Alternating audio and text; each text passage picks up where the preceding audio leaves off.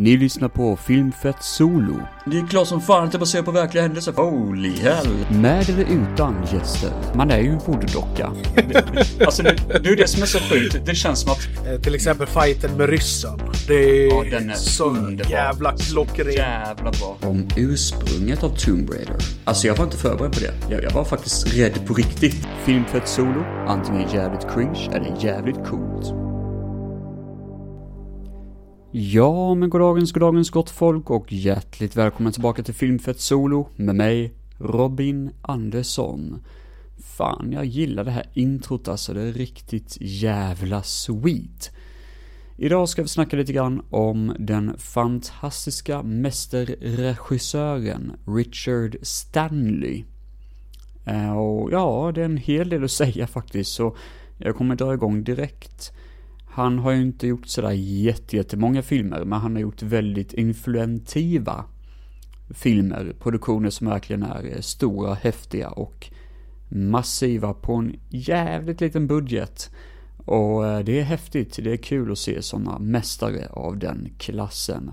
Eh, det krävs något speciellt för att kunna prestera och kunna göra sådana här skapelser med så lite som möjligt. Och jag tycker vi sätter igång och snackar lite grann om vem är denna Richard Stanley? Han är 53 år just nu i alla fall. Nu 2020. Eh, föddes 1966 i Sydafrika. Och eh, man kan väl kalla honom för en människa. Tror jag. Vissa skulle nog kunna kalla honom för en hum- humanoid. Och det ska nog fan också säga egentligen. Han är nog fan mest en humanoid. Han är en väldigt speciell människa och eh, lite utomjordisk på sätt och vis i sitt beteende. Eh, men det är det jag gillar med, det är något jävla chill över hans, eh, hans sätt att bete sig, helt enkelt. Han är en släkting till Sir Henry Morton Stanley. Och det säger ingenting till mig, men han är tydligen en känd forskare som höll på väldigt mycket i Sydafrika. Och tydligen så är hans morsa ganska känd eh, också då. Eh, Richard Stanleys mor höll på också lite grann med någon kändskap. Historia, jag tror också det var någon forskarberättelse. Eller om hon var någon eh, författare bakom någon bok, jag vet inte riktigt. Men Richard Stanley är i alla fall släkt till Sir Henry Morton Stanley, som är en känd forskare. Det är det viktigaste. Han pluggade antropologi, människobeteende, det vill säga då hur, varför människor beter sig på ett visst sätt och hur människor kommunicerar i eh, Sydafrika. Och så började han jobba lite grann i musikbranschen. Och eh, filmade många urinvånare i eh, Sydafrika och deras ritualer och sång, eh, ja vad ska man kalla det för, alltså sångprestationer så att säga. Sen började han plugga film någonstans där i slutet på 70-talet, början på 80-talet. Så började han plugga film. Och han vann faktiskt pris 1984 för en film som filmades på 8 mm som heter Rites of Passage. Om eh, en vanlig människa och en primitiv människa. Eh, det handlar om deras, eh, helt enkelt, vad ska man säga, skillnader mellan de här två varelserna. En primitiv människa och en vanlig ordinär individ. Och han vann ett pris som sagt var. Jag kunde faktiskt inte se vilket pris det var men han vann ett pris 1984 för Rides of Passage, hans första kortfilm. Det är fan inte dåligt. Det visar ju tecken på geni, i stort sett. Sen gjorde han en 45 minuter lång kortfilm som heter Expanding Universe. Och detta är också 8 mm som den filmades på. Den la grunden för hans första långfilm, Hardware. Och den ska tydligen finnas även på en special-DVD-utgåva av Hardware, som man kan få tag på om man känner för det. Jag eh, själv vet faktiskt inte vad detta är för specialutgåva, men Expanding Universe heter i alla fall den 45 minuter långa kortfilmen. Så eh, det kan vara kul att veta var början började, så att säga. Han gjorde två kortfilmer efteråt som inte riktigt blev klara. Och den ena handlade om olösta mordfall i Namibia. Jag tror man kallar det för Namibia i alla fall. Eh, jag läser utan till så jag vet faktiskt inte hur man uttalar Namibia. Namibia kan det vara. Eh, Dust Devil hette den. Och eh, kortfilmen blev som sagt var inte klar, men det finns vissa scener som finns att se i en special utgåva av Dust Devil lanserat av ett specifikt företag. Eh, jag tror det ska vara en tvådiskutgåva eller något sådant. Det är lite kul. Lite härligt, tycker man ju då. Då stack han iväg till London under mitten av 80-talet. Och, eh, eller andra halvan av 80-talet. Och då beslöt han sig för att göra lite musikvideos för bland annat Fields of Niffilim. Och det här kommer betala tillbaka sig lite grann, för vi kommer komma tillbaka lite snabbt till Fields of Niffilim. Det är inget band jag själv känner till, men det är någon typ sån här riktigt hård heavy metal-aktig historia. Han gjorde också lite andra musikvideos för lite andra mindre kända namn, men Fields of Niffilim är i alla fall de mest kändaste, enligt Wikipedia då, såklart. Jag ska säga också att jag hittat den här infon via Wikipedia, så jag är väldigt intelligent. Jag är en väldigt bra jävel. De gjorde även en dokumentär, eller de gjorde, han gjorde en dokumentär om Sovjet-Afghanistaniska, hur fan uttalar man det? Sovjet-Afghanistanska kriget. Herre jävlar vad svårt det var att uttala det då. Eh, han såg mycket skit där och det blev mycket sådana här konflikter. Han var med i många sådana här stora händelser under detta kriget då.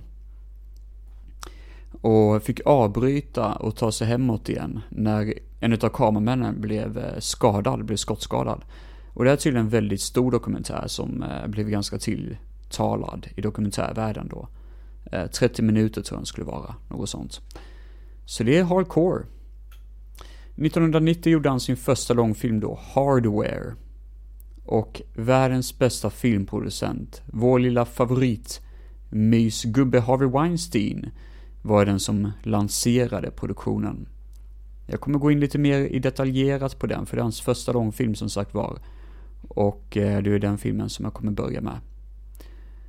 Sen så gjorde han också en film som heter Dust Devil från 1992. Så två år senare, det är fan inte dåligt. Och det här är ju också som sagt var en återkoppling till hans kortfilm då som han gjorde.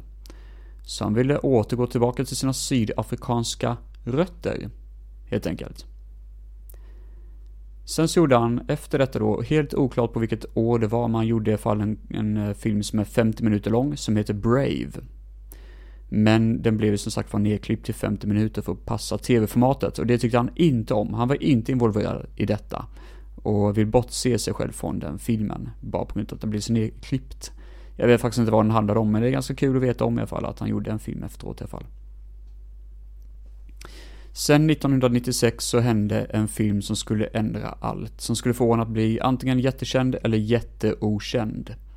Eftersom att jag som pratar om det här avsnittet så vet ni säkert om att den här filmen inte lyckades riktigt hela vägen som man hoppas på.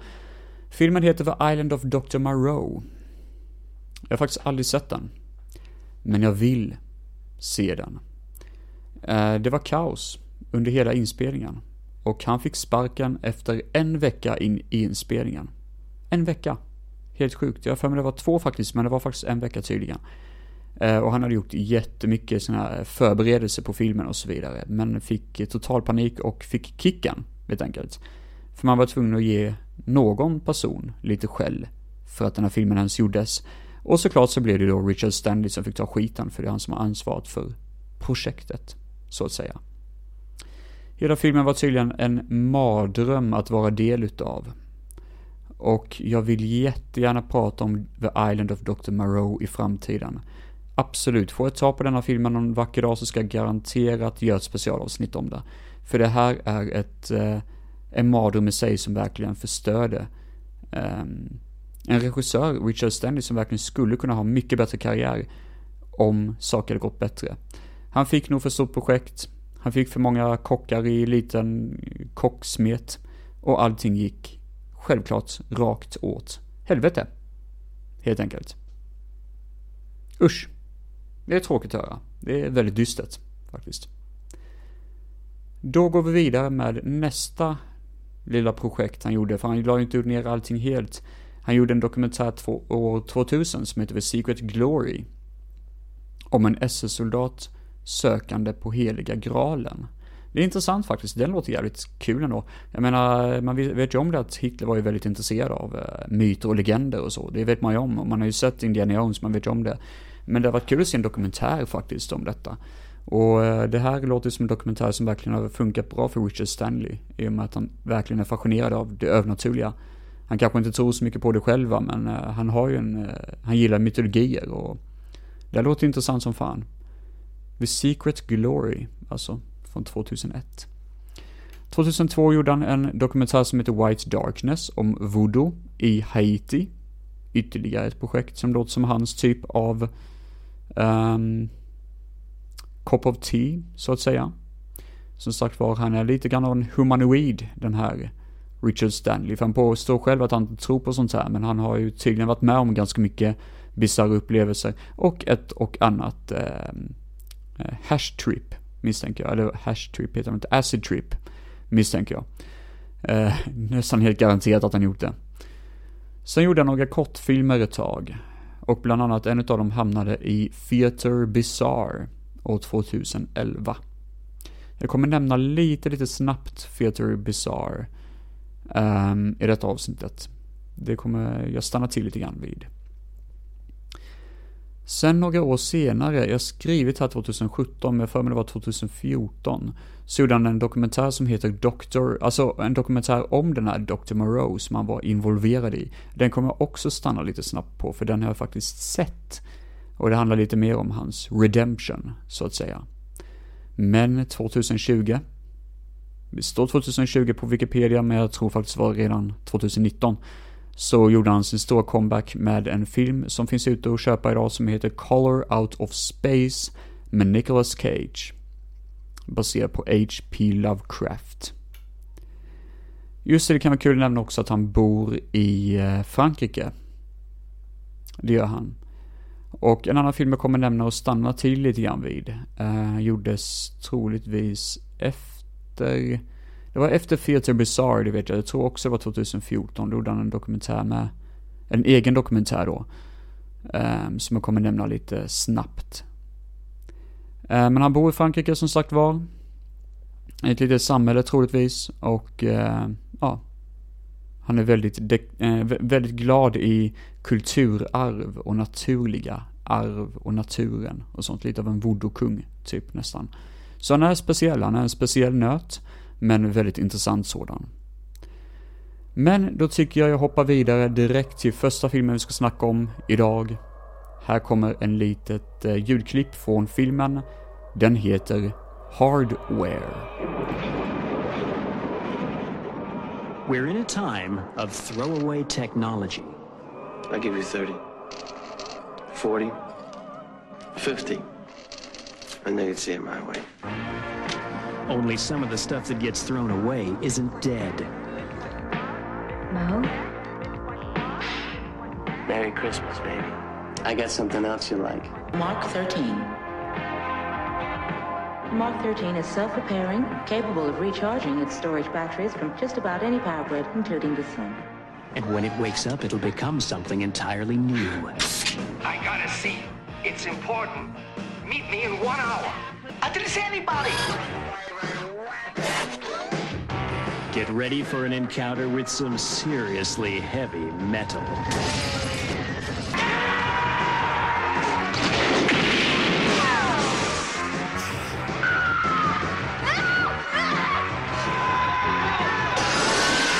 Get ready for hardware. Hardware släpptes 1990 och eh, innan jag går in i storyn så kan jag berätta lite vilka som medverkar i filmen. Det brukar man ju egentligen inte göra i den ordningen, men jag gör det för jag är speciell. Dylan McDermott, en tv-skådis, som bland annat medverkat i American Horror Story och The Practice. Jag vet inte vad Practice är, men tydligen så är det en jättekänd serie och han fick typ någon sån här eh, pris för det. Han spelar en karaktär som heter Moses i alla fall. Sen har vi Stacey Travis. Hon spelar en karaktär från Phantasm 2. Det var den enda som jag kunde känna igen i alla fall. I den här filmen spelar hon en karaktär som heter Jill. John Lynch, som tydligen ska vara ganska stor i Irland. Uh, han spelar den glasögonprydda, eller mör, alltså han har på sig sina solglasögon, en karaktär som heter Shades. Vilket såklart passar honom väldigt bra. Sen har vi Iggy Pop. Den otroligt kända musikern som egentligen inte behöver så stor introduktion. Han har varit med i stort sett allt som har med rock'n'roll att göra och hippity hoppity, är inte så mycket hippity hoppity. Men um, mycket med rock'n'roll i alla fall. Uh, han spelar en karaktär som heter Angry Bob. Och han är en sån här radioröst genom hela filmen. Sen så har vi William Hotskins. Som spelar Porkins i Star Wars. Det är ganska kul. Det är kul som fan. Eh, han spelar den äckliga grannen Lincoln. Lincoln. Men han stavar som Lincoln. Ja, jag vet inte fan. Han är en äcklig granne i alla fall och filmens första dödsscen. Och jag tror till och med jag kommer stanna till och snacka lite grann om den dödsscenen. Sen har vi Carl McCoy. Han är sångare i Fields of Nifflim' så det var där vi kom tillbaka till Fields of Nifflim' lite snabbt. Eh, han spelar en mörkklädd herre, eh, utan namn. Vi har även Mark Northover, som är en kortväxt liten gubbe som dök upp i Willow. Och eh, blir kanske inte så stor som man hoppas på, men han ser lite speciell ut, inte bara för att han är kortväxt, utan han har ett väldigt speciellt ansikte. Men, eh, en jävla skön skådis faktiskt, ärligt talat. Han gör ett jävla bra jobb här. Han är verkligen den här eh, ehm, pricken över i så att säga. Lemmy från Motorhead behöver inga större introduktioner. En eh, jävla karaktär. Eh, som bland annat dök upp i Troma-filmer. Han får ju vanligtvis betalt i sprit och var tydligen alki som fan under den här inspelningen. Och det är härligt, sånt gillar vi här på Filmfett Solo. Nej, det gör vi inte. Men eh, vi kan ju låtsas att vi gör det för fem sekunder. Storyn då? Jo.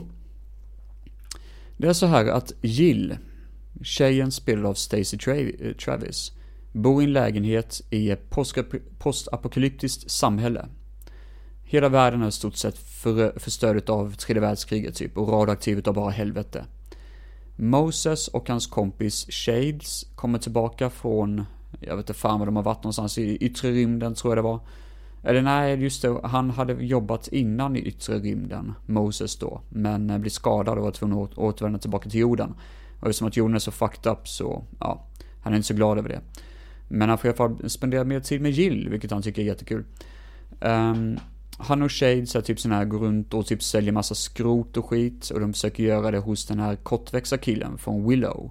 Den här Mark Northover. Och eh, ja, de får tag på helt plötsligt ett robothuvud. Som säljs utav den här sången från Fields of Niflheim, som är en mystisk vandrare som vandrar runt i början av filmen i sån här sandigt eh, Eh, uppslag så att säga och hittar det här robothuvudet.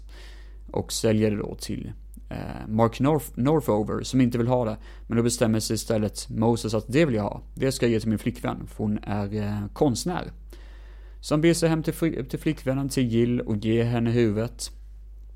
Och hon tycker det ser skitcoolt ut och vill bygga upp något sånt här coolt monument. Med det här huvudet som ska typ symbolisera USAs förfall eller något sånt, jag vet inte fan. Det är ett coolt robothuvud i alla fall, hon blir jätteglad över det. Problemet är bara det att under natten så upptäcker vi som tittar på filmen då att huvudet verkar spionera på henne. Och verkar bli, fortfarande vara aktivt. Och det får också förmågan att kunna reassemla sig själv, typ bygga ihop sig själv igen. Mark Northover, den kort, kortväxta killen från Willow, det är typ den där jag kan referera honom till. Um, han sitter hemma i sitt, sin lilla lya och undersöker mer om huvudet och får veta att det kommer från en jättestor sån här stridsrobot som tydligen kan eh, upp, återuppleva sig själv. Vilket den här roboten såklart gör. Roboten stänger in Jill i lägenheten och Jill måste kämpa för sitt liv i denna lilla lägenhet mot en radioaktiv, eller i denna lilla radioaktiva lägenheten mot en metallisk mördare. Eh, då denna robot eh, som eh, då är titel, roboten kan man säga hardware i stort sett. Jag kommer inte ihåg om den hette Mark någonting, Mark 2 eller eh, sånt heter den. I alla fall, det är eh, egentligen storyn i det hela liksom. Eh, kvinna inlåst lägenhet med robot som försöker döda henne, typ. Och så försöker hon överleva genom hela filmen. Däremot har vi lite negativa nyheter. Det finns en tidning, en serietidning som heter 2000 AD. Och de gjorde en specialserie som heter Chock. Och eh, den här serietidningen Chock hade tydligen väldigt lik story som Hardware hade. Och gick till rätten för att vinna sitt namn i den här filmen då. Vilket de vann. Så de var tvungna att eh, producera ut den här filmen med eh, genom att ge credit även till tjock då. För att de gav deras egna namn till den här filmen Hardware. Typ, eller eh, till att de inspirerade Hardware. Även om det egentligen inte var tänkt att det skulle bli så. Även om det bara var en accident att de råkade skriva samma story och att de egentligen inte kände till 2000 AD. Så blev det faktiskt så. Så eh, det var ju ändå tur att alla parter blev glada. Jag hoppas i alla fall de blev glada. Den här filmen filmades med extremt liten budget. Jag tror inte ens, jag vet, jag vet inte hur många miljoner det ligger på men det är jävligt lite i alla fall. Och eh, här har ju Richard Stanley en otrolig förmåga att använda varenda peng. Och verkligen se till att han kunde köpa in rostiga, intressanta miljöer och skapa den här miljön. För det är verkligen en väldigt postapokalyptisk och röd film. Det är rött överallt. Allt är radioaktivt rött. Och faran i det här, i den här lägenheten känns så aktuell när allting bara glänser av rödhet och flashande ljus. Det är jävligt snyggt gjort för en extremt liten budget och roboten i sig, även om det var väldigt svårt att få ordning på den, så funkar den jättebra. För ibland är less more och det är exakt det vi får. Även om den ibland faktiskt ser ut som en stor eh, elektronisk kyckling som jagar vår huvudrollsinnehavare. Responsen av kritikerna var mixad. För den jämfördes väldigt mycket med Terminator och den jämfördes väldigt mycket med Alien. Men nu har den hittat sitt egna fot tack vare bakgrundshistorien bakom filmen då. Skapandet bakom filmen. Den, det har blivit en kultfilm. Den, den är kanske inte klassad som en av de bästa sci-fi-filmerna. Men det, den, den är klassad som en kultfilm. Väldigt respektabelt klassad idag. Musiken är skitbra. Vi har musik av Stigmata, eller låten heter Stigmata av bandet Ministry. Hård låt så in i helvete, jävlar vad det eh, drämmer på. Skitskön att kö- eh, köra när man bara känner sig att man bara vill få ut aggression och energi. Då jävlar. Vi har även Public Image Limited med deras låt Order of Death som jag pratat om många gånger här på Filmfett. Jag har även pratat om den här filmen tidigare, glömde jag nämna. Jag har pratat om den i uh, retroavsnittet av Filmfett Solo. Fan, det har jag helt glömt bort. Vi har även Ace of Spades, såklart, som måste spelas som Motorhead för att, ja, varför inte? Lemmy var med, då kan man lika gärna slänga in Motorhead också. Även om Lemmy var aspackad och tydligen tappade bort en pistol under inspelningen. En, eh, någon riktig pistol han hade med sig som han skulle använda i filmen. Eh, han råkade kasta det typ tydligen i vattnet eller någonting. Han måste ha varit full så in i helvete. Men, eh, ja. Det var lite om eh, fakta och information om filmen. Men ni är inte här för att höra fakta och information. Ni är här för att höra vad jag tycker om filmen. Och jag kan säga så här, Hardware är en utav de bästa science fiction thriller skräckproduktioner som produceras ute. Eh, kanske inte, men det är en jävla bra film. Fan vad snygg den är. Den är snygg som in i helvete. Det glänser av coola montage, av metall och skrot och det är ett helvete och det ser ut exakt Alltså tv-spelserien mm, eh, Fallout måste tagit mycket inspiration från den här filmen. För det känns visuellt att den här rostiga stämningen av postapokalyptisk rost och nuclear waste som man bara känner osa genom skärmen när man ser den här filmen. Det är på riktigt. Det är en svettig rulle och den passar perfekt att se en jävligt varm dag. Ja, men det var nog alles om Hardware, hans första produktion. Och eh, inte dåligt som första film, absolut inte. Men i min mening så kunde han inte slå den här filmen med de andra filmerna. Men det kommer jag såklart gå in på. För nu ska jag prata om en annan film som ni kommer höra ett litet soundbite av. Jag pratar såklart om Dust Devil.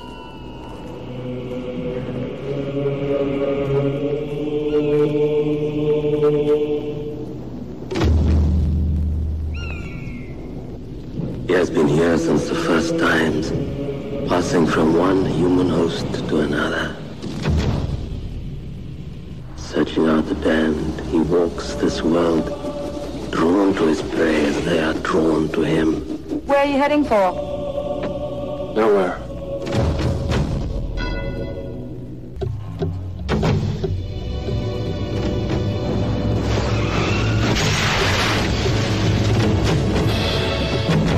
In those far corners of the world, we have another name for those violent winds that blow from nowhere. We call them dust devils. Sweet Potato Sauce. Nu rullar vi vidare med Dust Devil, helt enkelt. Och vi drar igång direkt med Robert John Burke. Som spelar eh, Robocop i Robocop 3, om ni minns den filmen. Otroligt magisk film. Nej, jag måste ärligt talat se om den, för jag tänkte jag skulle göra en eh, filmfett specialare någon gång på eh, Robocop-trilogin. Jag har redan recenserat dem på bloggen. Och eh, jag får fortfarande skit för att Robocop 3 faktiskt fick ganska godkänt betyg av mig. Jag tror inte jag kommer ge samma betyg om jag ser om skiten, ärligt talat. Ehm, jag har inte sett den på väldigt länge och jag vet inte riktigt vad jag tänkte första gången, men eh, det kommer vara spännande i att se om den. Sen har vi Chelsea, ja just det, eh, Robert John Burke spelar en namnlös vandrare. Som eh, vi får se i filmen. Chelsea Field, som tydligen var en skådis som var med i, Hi- fan säger jag, He-Man var hon med i och Last Boy Scout.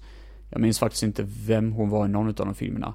Jag tror hon spelade Woman at Arms, eller vad hon hette, den här eh, sidekicken som Man at Arms hade. I alla fall hon spelar en person som heter Wendy och är typ vår kvinnliga huvudrollsinnehavare kan man säga.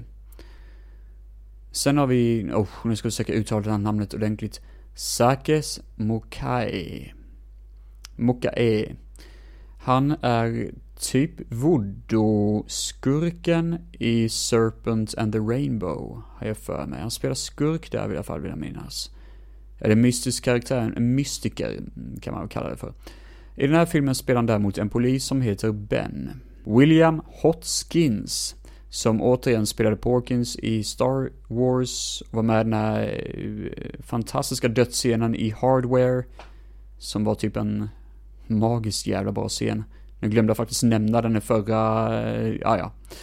Skitsamma, det är inte hela världen i ärlighetens namn. Men i alla fall, han eh, dyker upp här igen då och spelar polischef i denna film.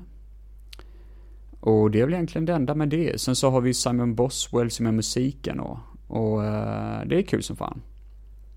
I alla fall. Storyn handlar om att Robert John Burke, från återigen Robocop 3, spelar den här namnlösa vandraren som vandrar runt i eh, Afrika.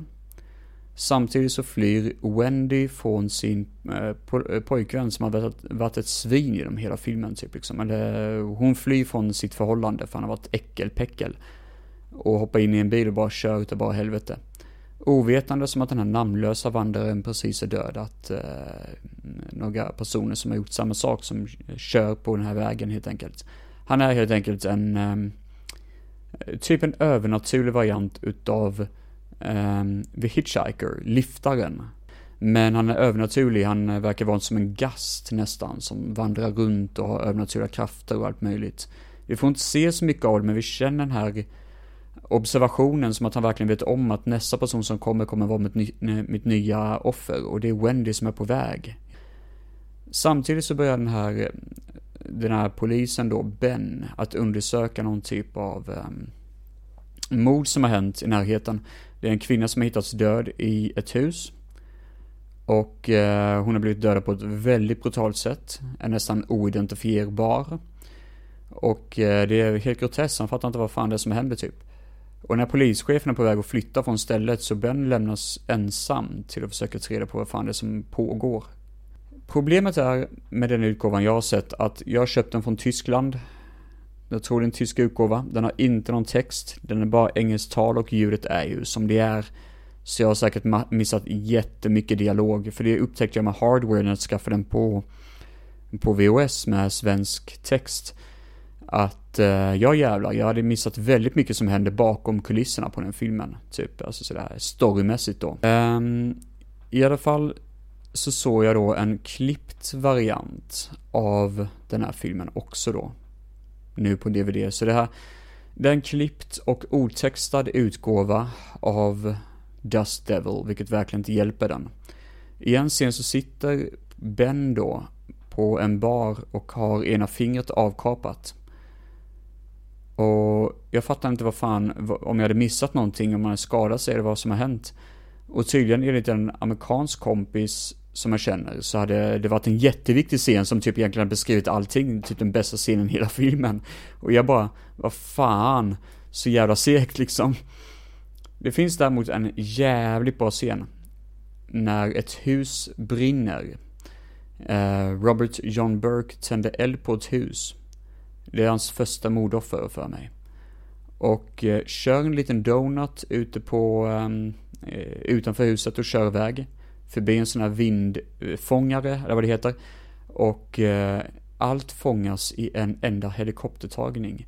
När han hoppar in i bilen och kör iväg. Och kameran bara flyter upp mot himlen längre och längre bort. Och man får den här ödekänslan av att den här mannen är en djävul och han befinner sig Eh, Eh, liksom ute i eh, vildmarken typ och kommer jaga efter dig.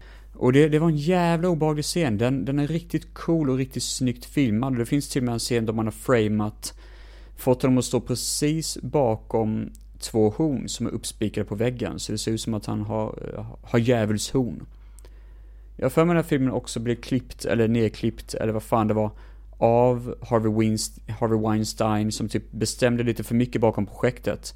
Vilket då Richard Stanley inte tyckte om såklart.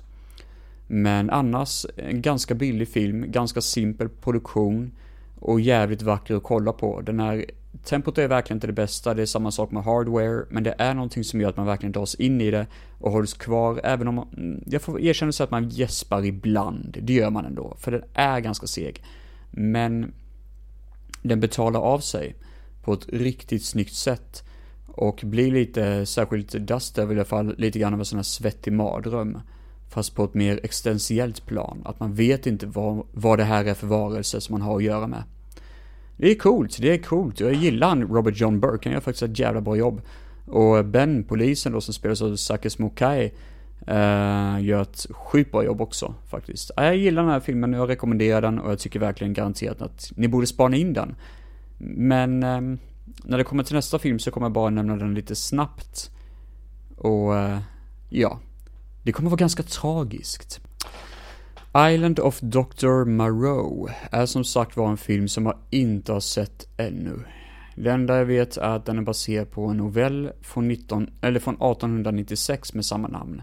Och det spelades in en sån här svartvit produktion av filmen som ska vara mycket kändare. Jag har sett den själv och tyckte den var ganska tråkig faktiskt, jag somnade nästan när jag såg den. Jag tyckte inte alls den var bra. Men det är jag det. Eh, jag gjorde mig faktiskt av av den Blu-ray-utgåvan också för den sakens skull. Men Island of Dr. Moreau. Det jag minns av dokumentären, som jag kommer att prata om snart, var att det var verkligen en helvetes inspelning. Eh, den första veckan så hade de byggt upp en sån här inspelningsplats som var riktigt cool. Och väder och vind förstörde det under en storm. Kul! Jävligt roligt. Och eh, samtidigt så var det skådespelare som var assholes mot varandra. Och regissören Richard Stanley fick mycket skit för det och till slut så fick han sånt nervös sammanbrott att han var tvungen att låsa in sig i sin stuga ett tag. Vilket var en av anledningarna till att han fick kickan.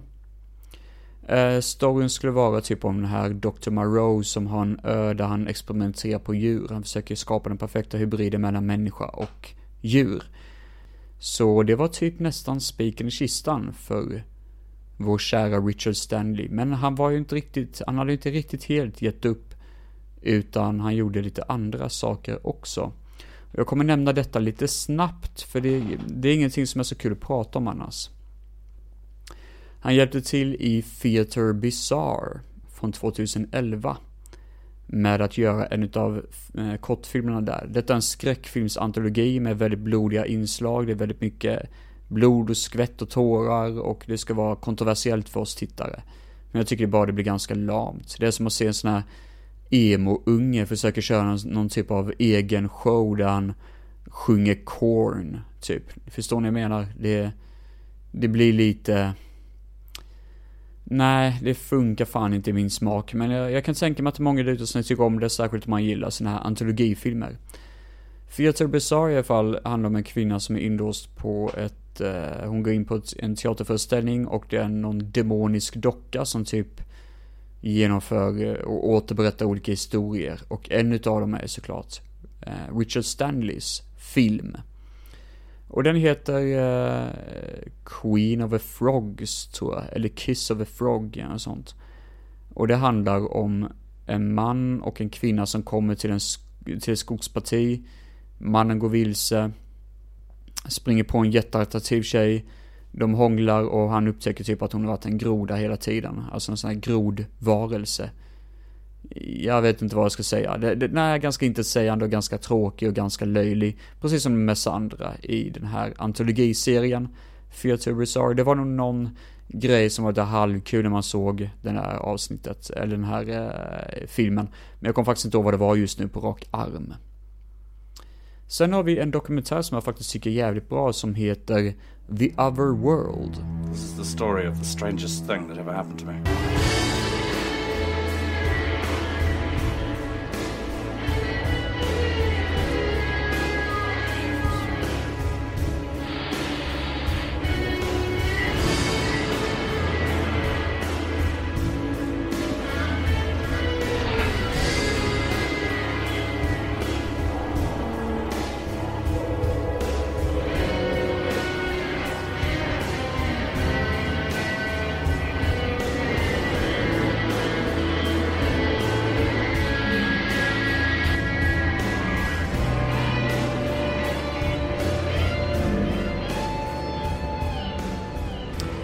Ja, där har vi musiken från The Other World från 2013. Det här är en dokumentär om ett, eh, en skogsdel i Frankrike utanför det samhället där vår kära regissör själv bor, Richard Stanley då. Det här skogsområdet kallas för The Zone. Och det är ganska många märkliga saker som händer där och mm, Stanley själv påstår i dokumentären, för han intervjuar sig själv också. Han påstår typ att de saker som har hänt där är jättemärkliga, han kan inte riktigt förstå det. Han säger själv att han är skeptiker, men det här förstår han sig inte på. Det finns rykten om att det är utomjordingar som bor där, det är, det är konstiga saker helt enkelt. Men eh, i det stora hela så vet Stanley om att han gick in i skogen en dag och hittade aldrig hem. Um, det kändes som att han var, han var borta typ i fem minuter och sånt, men när han kom tillbaka hade det tydligen gått sex timmar och han var helt naken. Eh, det låter jättekonstigt och jätteflummigt, plus att jag vet om att han röker på så jag vet inte vad jag ska tro. Men som dokumentär är jävligt intressant, för det är lite mer flyga på väggen, att man intervjuar olika personer. Bland annat någon sån här voodoo-doktor som bor där, vilket låter jävligt skumt. Eh, han bor i närheten där och eh, använder typ helande dockor och sånt och försöker liksom spärra av den här the zone. Första gången jag såg den så var den jävligt creepy. Jag tycker väl fortfarande den är obehaglig om jag hade sett om den idag. Men generellt så tycker jag väl kanske att man önskar att man tror på det, men jag vet inte riktigt. Det är svårt att säga. Nu går vi vidare med ytterligare en film som han har gjort från 2014. Och det här är The Lost Souls. The Doomed Journey of Richard Stanley's Island of Dr. Moreau. Huh. Jävlar vilken titel! Lost Souls, The Doomed Journey of Richard Stanley's Island Dr. Moreau. Han vill ju inte att folk ska hitta den här dokumentären. Hur fan ska man hitta en film som heter Allt det där. Åh! Oh, bestäm dig för guds skull. I alla fall, han har inte gjort den här filmen själv, han har ju varit med i den. För det här är ju en dokumentär om The Doomed Journey of Richard Stanley's Island Dr. Moreau. Det är en dokumentär om hur hans film Island of... Äh, kan inte tala.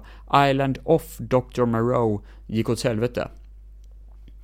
Och eh, det är en ganska sån här, alltså bara en historia där man får se liksom hans coola ritningar, vilka planer han hade och hur allt bara föll. Och hur han anklagar företaget som gjorde filmen så att det inte gick bra för filmen överhuvudtaget. Det är massa sådana saker. Det låter kanske inte så kul på papper, men jag tycker faktiskt det är jävligt mysigt att lyssna på. Och eh, framförallt en intressant film att se. För det de snackar med skådespelare, de pratar om att det var orgier som pågick under inspelningen. Och det här är ju en av de mest katastrofala inspelningsplatser som någonsin har skett på film. Mestadels för att allting stod stilla så jävla länge. Det tog flera veckor innan de kunde fortsätta filma den på grund av olika problem och väderfenomen. Och så fick de jobba med en Marlon Brando som var han var tjock, han var trött, han ville inte vara med, han ville bara att Richard Stanley skulle göra filmen. Och när en annan kom eh, in och just skulle göra filmen istället så var han bara i vägen hela tiden. Mumlade en massa saker, hade på sig en eh, glass, en ice bucket, alltså sån här, eh, ja, på huvudet då och ville att en betjänt skulle komma och hälla is i hans, över hans huvud. Ja, herregud. Och så var det en liten kille, en kortväxt kille som hade en speciell sjukdom som var med på inspelningen ibland. Och nu vill ju han att han skulle vara med mer. Nu vill ju Marlon Brando att den här karaktären skulle vara med mer i filmen och hjälpa honom typ att vara hans sidekick i något, för han tyckte bara det var coolt att ha en kortväxt och... Ja. Uh, lordy, lordy, lordy, lordy, lordy, lordy. Det, jag vet inte vad man ska säga, det är en uh, skum jävla, uh, skum jävla film alltså, ärligt talat.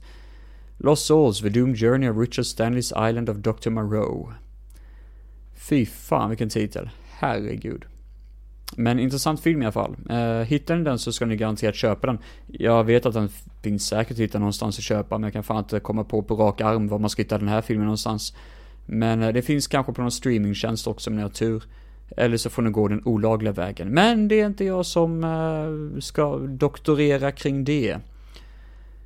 Och nu så kan vi gå vidare med sista filmen då. The last one of a day. Så att säga. Colorado Space. Från antingen 2019 eller 2020. Beror på vem man frågar och vem ni är. Look at this. All those years in the big city, we finally got out. We're living the dream. Maybe it is a dream.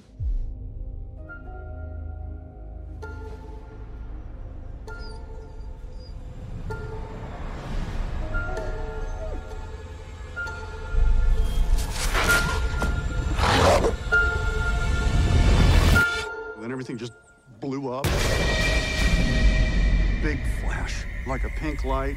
Or actually, I don't even know what color it was. It wasn't like any color I'd ever seen before. Looks like a meteorite. You think it's radioactive? I mean, it's from space, right? Meteorites are generally no more dangerous than ordinary rocks. How can something that big just disappear? Did you plant those? No. Ward, you come here for a sec. Oh, God. What are you doing? I don't know what I believe anymore.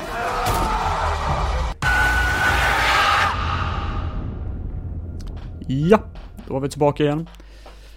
Men den här knarriga jävla stolen som man sitter på, det är säkert den som gör lite ljud ifrån sig i bakgrunden. Men det är ganska charmigt det också i och för sig. Vad fan, ni kan ju inte bara lyssna på mig hela tiden. Uh, vi har Nicolas Cage. Som spelar karaktären Nathan. Och han behöver ju ingen introduktion, han är den bästa skådespelaren någonsin, en av de bästa ever som fötts på denna jord. Och alla som säger något annat förtjänar ett skott i huvudet. Sen har vi Jolie Richardson. Och hon spelar mamman i familjen som heter Teresa.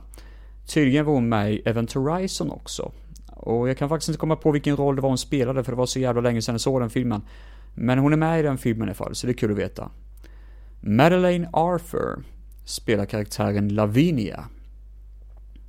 Hon var med i filmen Big Eyes, där hon tydligen har väldigt stora ögon. Nej, hon är ganska ung faktiskt, hon är yngre än mig, jag tror hon är fyra år yngre än sånt. 96 föddes hon, så det blir typ, vad fan är hon då, 22 tror jag. Uh, I alla fall så spelar hon dottern i familjen då. Uh, någon sån här uh, lite mer, vad ska man säga, häxaktig person, typ. Madeleine Arthur var ju med som sagt var i Big Eyes och det här är någon film av Tim Burton som tydligen ska fått ganska bra kritik. Jag har själv inte sett den för jag gav upp på Tim Burton för länge sedan. Och han är inte min kopp te. Elliot Knight är även med. Och uh, det här är en snubbe som var med i tv-serien How to Get Away with Murder. Det är typ den enda som jag känner till. Jag har inte sett den men jag känner till den i alla fall. Han spelar karaktären Ward Phillips.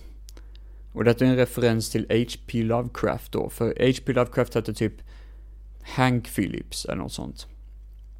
Så de vill ju ändå ha lite referenser till hans namn, men den är tydligen specialcraftad bara för den här filmen. Tror jag i alla fall. Uh, vi, vi låtsas att jag vet vad jag pratar om. Sen har vi Tommy Chong. Den underbara Ezra spelar han. Och Tommy Chong, om ni inte minns mitt avsnitt där jag pratade om honom lite snabbt i eh, Miami Vice säsong 2. Så spana in det avsnittet. Jag jobbade jävligt mycket på det kan jag säga. Men Tommy Chong är en komiker som typ är med i Chic and Chong. Sån här jättekänd stoner-komedi från 70-talet. Och han spelar en karaktär här som heter Ezra som såklart röker på. Uh, och det är inget fel med det om man vill göra så i livet. Nu låter det som att jag är väldigt passiv aggress eh, passivt aggressiv och det misstänker jag också att jag är. Brendan Mayer spelar Benny, den eh, mellanungen kan man säga i filmen. Uh, han är också med i filmen The Guest som jag tycker är en jävla fin rulle. Uh, riktigt fin och garanterat värd att spana in om man känner för det. En av mina favoritfilmer uh, på riktigt ska jag säga, för den är jävla cool, The Guest. En av de bästa hämndfilmerna. Eh, klockren. I alla fall han spelar Benny då som eh, är en mellanunge som typ inte sköter sig så mycket, han röker på rätt mycket och familjen är lite hatfull mot honom. Bara det att han är lat typ. Han är rätt lat men han har egentligen inte gjort någon illa heller. Han är typ som en stor tjock katt typ. I stort sett. Det här är baserat på en H.P. Lovecraft story såklart. Eh, han är ju en mästare inom skräckböcker som har influerat många till att följa hans, eh, hans steg i världen, så att säga. H.P. Lovecraft, skön dude. Skön dude. Jag önskar jag kunde fistbump med honom nu, men det är lite svårt att göra fistbump med en död kille. Eh, den här filmen är väldigt The Thing och Cronenberg-aktig. Cronenberg är väl mestadels för att den typ, ehm, han, alltså det handlar lite grann om musiket påverkas och eh, olika såna här, ehm, alla sinnen påverkas av vad som händer i filmen. Och sen The Thing för vad som händer i andra halvan. Det går ju fan inte att undvika när man ser den här filmen. Det blir kläbbigt utav bara helvete. Den här filmen i alla fall handlar om en ehm, ja, alltså, hur fan ska man kunna beskriva den här rullen egentligen? Det handlar om en familj som bor mitt ute i skogen. Det dyker upp en komet som kraschar rakt ner i deras gräsmatta. Eh, pappan då, Nick Cage, går ut och upptäcker att det var en jävla konstig doft, en stank. Och eh, alla i familjen börjar typ påverkas mer och mer av den här mystiska kometen som efter ett tag försvinner ner i marken när man försvinner. Och folk fattar inte var de tog vägen någonstans. Han är lite förbannad pappan för han hoppas att han skulle kunna göra något coolt med den, typ eh, kanske sälja den eller något sånt. Men den bara försvinner ur tomma intet typ. Sen så börjar familjen uppstå med lite mer och mer att de upptäcker saker, de ser synen, de börjar, eh, deras tankar vandrar bort medan de eh, håller på att hacka morötter. Och eh, det, det är luften som pappan alltid pratar om, den här konstiga stanken som han pratar om hela tiden. Um, någon unge hör något jävla ljud konstant och någon unge ser konstiga saker och han som röker på märker ingenting för han är hög hela tiden. Lite så är det i alla fall. I alla fall så är det en film som verkligen är krypande, det tar en jävla tid att kicka igång och jag vet om att vissa människor tycker att den är väldigt seg. Och det är den ju också, det får man ju faktiskt eh, erkänna, den skulle kanske vara lite kortare egentligen. Men samtidigt en del av charmen, för jag menar det, när det väl händer saker som sagt var så blir det kaboom som att få en tårta inkörd i röven. Man bara, oh shit, jag vill inte ha en tårta inkörd i röven, ta ut den, typ liksom. Dra ut den för helvete, dra ut den! Lite så är det att se den här filmen, man vill bara dra ut tårtan och um, förhoppningsvis kunna rädda en bit så man kan äta upp den istället. Jag vet inte vad fan jag pratar om. Uh, men det är ju ingen nyhet där egentligen. Det som är så kul är att filmen lyckades ganska bra, den har fått en mindre kult och jag vet faktiskt inte hur den lyckades ekonomiskt. Den gick inte på bio här i Sverige tyvärr, men den, den lyckades kanske vinna tillbaka sin ekonomi förhoppningsvis för det. Det blev en ganska intressant eh, mellansnackis sådär att folk ville, ville veta vad man tyckte om filmen och skickade runt den typ liksom till folk. Um, men um, det är intressant att Richard Stanley fick lov att göra fler Minecraft, Minecrafts eh, Lovecraft-filmer efter den här. Han ska göra två eller tre stycken till, eller tänkt sig, som han skrev kontrakt på. Och vi hoppas bara att han lever tillräckligt länge, för jag menar nu är han ju 53 typ. Vi får ju se om han pallar leva länge nog till att fortsätta göra Lovecraft. Men det är ju hans kopp te. Och jag tycker han nailar det här jävligt bra. Eh, den har fått ganska bra kritik. Och jag gillar den. Jag tycker eh, den här är överlag en god rulle. Denna fina lilla pärla. Denna fina lilla eh, snuttelufsan. Som att säga. Ja, men eh, det är väl mestadels det om den filmen verkar komma på just nu. Jag har ingen riktig favoritscen. Um, jag kommer ihåg att det är en scen då morsan håller på att skära morötter då hon råkar skära av sitt finger. Eller hacka av sitt finger. Det tyckte jag var riktigt äckligt för hon märker typ aldrig att hon har skärt av eller hackat av det. Vilket är ganska creepy faktiskt. Det skulle kunna gå så långt att hon skulle kunna käka och hon bara upptäcker oh shit, här ligger ett finger typ. Um, Ja, men överlag, jag tycker om den. Den är väldigt bra på att visa att ibland behöver man inte överberätta saker. Eller ibland behöver man kanske inte få förklaring till allting. Och det, det, är många som klagar på det, att den här filmen förklarar ingenting, men det är också en del av charmen, så den måste, den måste hänga med lite grann. Det är en del av kärleken bakom filmen alltså. Det, det, less is more, så är det. Och särskilt när det kommer till förklaring, för hade man fått en förklaring till vad som händer, det hade varit ganska tråkigt också. Så jag gillar den här filmen, jag tycker den är jävligt nice och jag ser fram emot nästa produktioner av denna underbara Richard Stanley. vi får bara hoppas att det inte kommer bli någon mer eh, box office bomb som i Island of Dr. Moreau och att han typ kommer försvinna en årstid, eller livstid, eh, innan han kommer tillbaka helt enkelt och utför sina verk. Vi får inte glömma det att han kan faktiskt vara humanoid, så det är klart, då kanske döden inte är hans sista frontier så att säga. Nej, men jag tycker det var jävligt kul att snacka med er. Det har varit gött tjat. Det blir ett, kanske ett ganska kort avsnitt idag, men det är också ganska gött också i och för sig. Eh, får se om jag kommer tillbaka nästa vecka. Eh, det kan bli att jag kanske tar lite uppehåll. Det beror på hur jag känner och mår och hur mycket tid jag har. Eh, men tanken just nu är väl att nästa projekt kommer handla om James Bond. 007. Och eh, det kommer bli nice i så fall. När jag kickar igång det projektet. Och blir det någonting annat emellanåt så blir det någonting annat. Vi får se helt enkelt. För jag har fan ingen aning. Glöm inte att följa oss på Filmfett Solo, eller på Filmfett på Instagram och Filmfett på, eh, eh, på YouTube. Eller på Facebook menar jag. Och eh, sen såklart, podden heter Filmfett Solo. Det är bara att söka in och lyssna på resten av avsnitten. För det är badass. Tusen tack för idag och ha det bäst!